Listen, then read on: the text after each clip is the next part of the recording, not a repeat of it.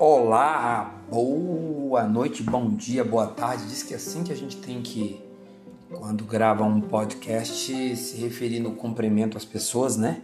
Porque não se sabe se as pessoas vão ouvir de dia, de tarde, de noite, mas de qualquer forma, estamos aqui para aquele prometido podcast de literatura sobre a obra do nosso Gregório de Matos Guerra, queridos alunos do primeiro ano. Tudo isto para que possamos falar um pouquinho das poesias dele, frutos da nossa aula síncrona no Google Meet. E essa aula está sendo gravada tanto para os alunos da mecânica quanto para os alunos do meio ambiente, né? Muito bem. E do que, que estamos falando? Estamos falando de Gregório de Matos Guerra, eu já disse. E por que Gregório de Matos Guerra? Porque tivemos uma conversa sobre o barroco brasileiro, né? Primeiro sobre o barroco, as relações do barroco com o renascimento, depois sobre o barroco brasileiro, ampliamos nosso horizonte para discutir o barroco para além é, das artes plásticas, da música e principalmente porque o nosso objetivo é a literatura. E agora sim, para tratarmos daquele que é considerado o maior poeta é, do barroco brasileiro, possivelmente outras linhas poéticas apareceram, mas não fizeram à época é, tudo aquilo que produziu com a qualidade estética literária com a qualidade é, do uso da palavra. É esse que se chama Gregório de Matos Guerra, é, conhecido como Boca do Inferno, poeta baiano de família portuguesa, como era comum na época da colônia no Brasil mas que desenvolveu ao longo de toda a sua vida é uma arte literária que até hoje chama atenção.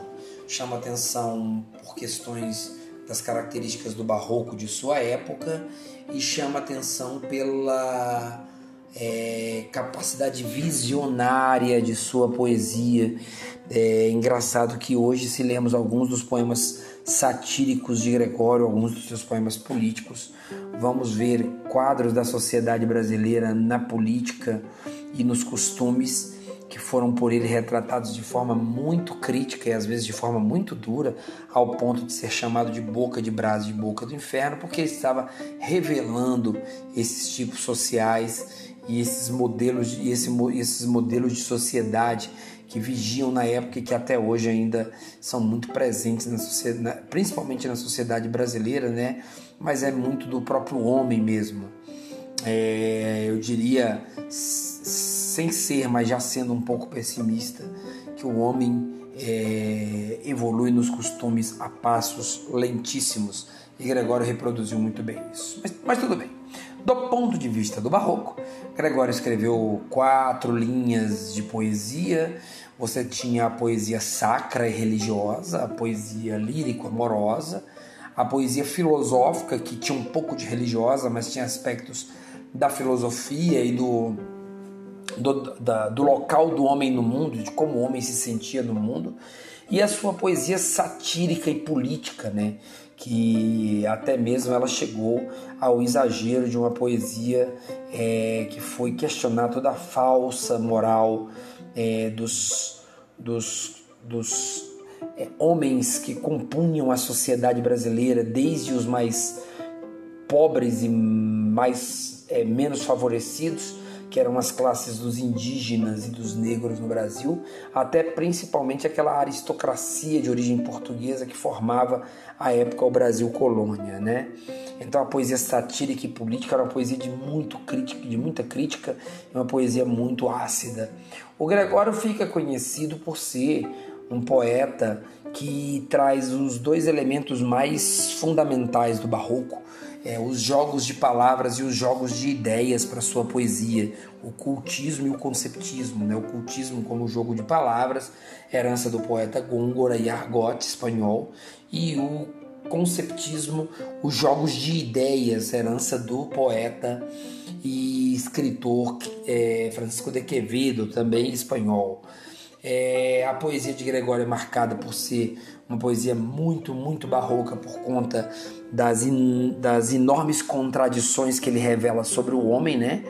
Esse homem que é sempre dúbio, que é um homem é, sagrado e profano, divino e demoníaco, é, raso e profundo, a depender, é, porque é típico do homem tudo isso, né? E o barroco explicita essas contradições, como explicita as coragens e os, e os medos do homem diante do mundo uma poesia muito metafórica, muito baseada em antíteses e paradoxos, os jogos de palavras contrárias, e nas hipérboles, nos exageros e na ironia fina, que produzia um certo tipo de humor e comicidade até sobre as suas poesias.